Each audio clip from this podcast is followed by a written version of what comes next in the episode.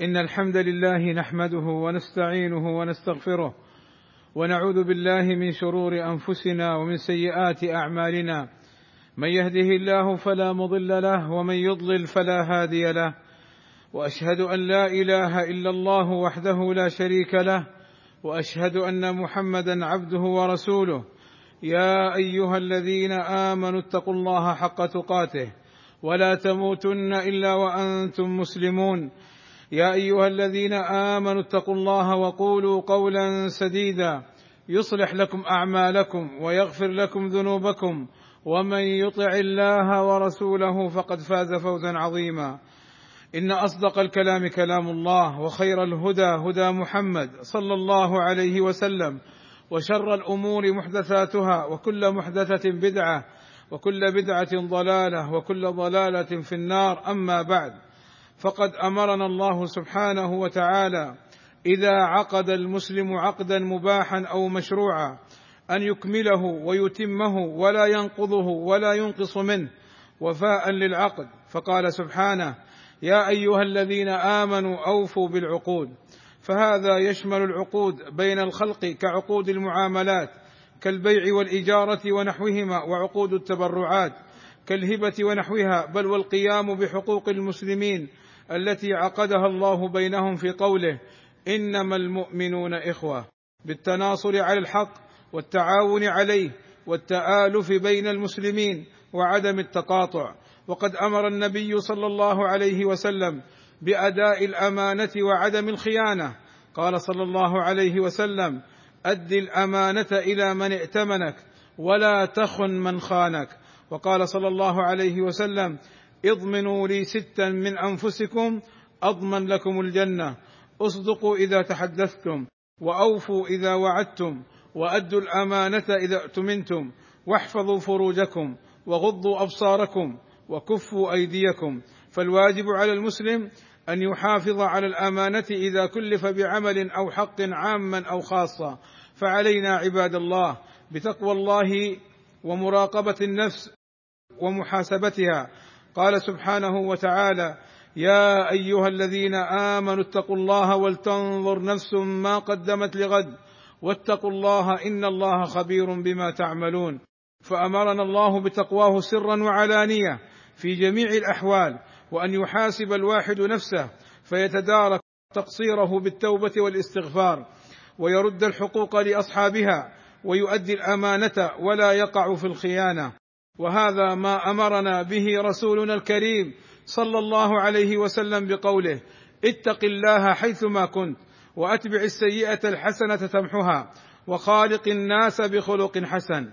فلا تظن يا عبد الله أنك إذا فعلت المحرم سرا ولم يرك أحد أنك تنجو من الحساب والعقاب.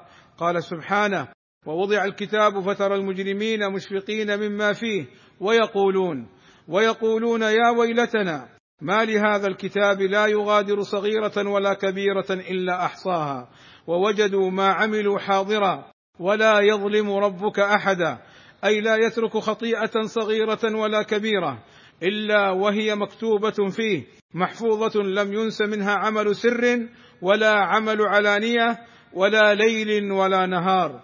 لذا قال صلى الله عليه وسلم أوصيك بتقوى الله تعالى في سر أمرك وعلانيته وإذا أسأت فأحسن.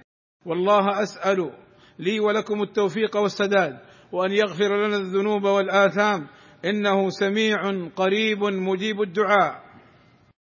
الحمد لله رب العالمين والصلاة والسلام على المبعوث رحمة للعالمين وعلى آله وصحبه أجمعين. عباد الله إن من صور الأمانة المحافظة على الأموال العامة للدولة فمن أخذها بغير حق شرعي فقد أكل الحرام. والنبي صلى الله عليه وسلم يقول كل لحم نبت من سحت أي حرام فالنار أولى به. وإن ولاة أمرنا في المملكة العربية السعودية يحافظون على الأموال العامة ويحرصون على عدم إهدارها وأن تصرف في وجهها المشروع ومن سولت له نفسه أن يسرقها أو يهدرها فإنه يحاسب ويؤخذ على يده.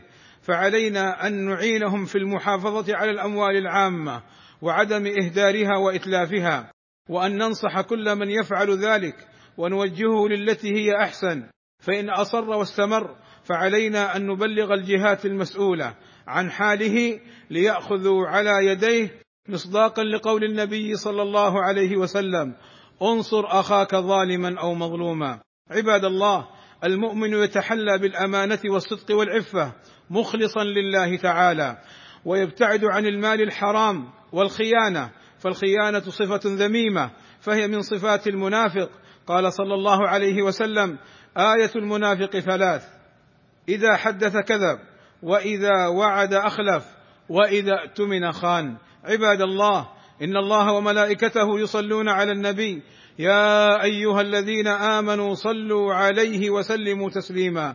فاللهم صل على محمد وأزواجه وذريته كما صليت على آل إبراهيم. وبارك على محمد وأزواجه وذريته كما باركت على آل إبراهيم. إنك حميد مجيد. وارض اللهم عن الخلفاء الراشدين أبي بكر وعمر وعثمان وعلي. وعن جميع أصحاب النبي صلى الله عليه وسلم والتابعين لهم بإحسان. وعنا معهم بمنك وكرمك. اللهم آتنا في الدنيا حسنة وفي الآخرة حسنة وقنا عذاب النار. اللهم فرج همومنا واكشف كروبنا ويسر أمورنا. اللهم اغفر للمسلمين والمسلمات والمؤمنين والمؤمنات الأحياء منهم والأموات. اللهم وفق ولي أمرنا الملك سلمان بن عبد العزيز وولي عهده الأمير محمد بن سلمان لما تحبه وترضاه وأصلح بهما البلاد والعباد واحفظهما من كل سوء. اللهم أيدهما بتأييدك ووفقهما بتوفيقك وأعز بهما الإسلام والمسلمين والصلاة والسلام على المبعوث رحمة للعالمين والحمد لله رب العالمين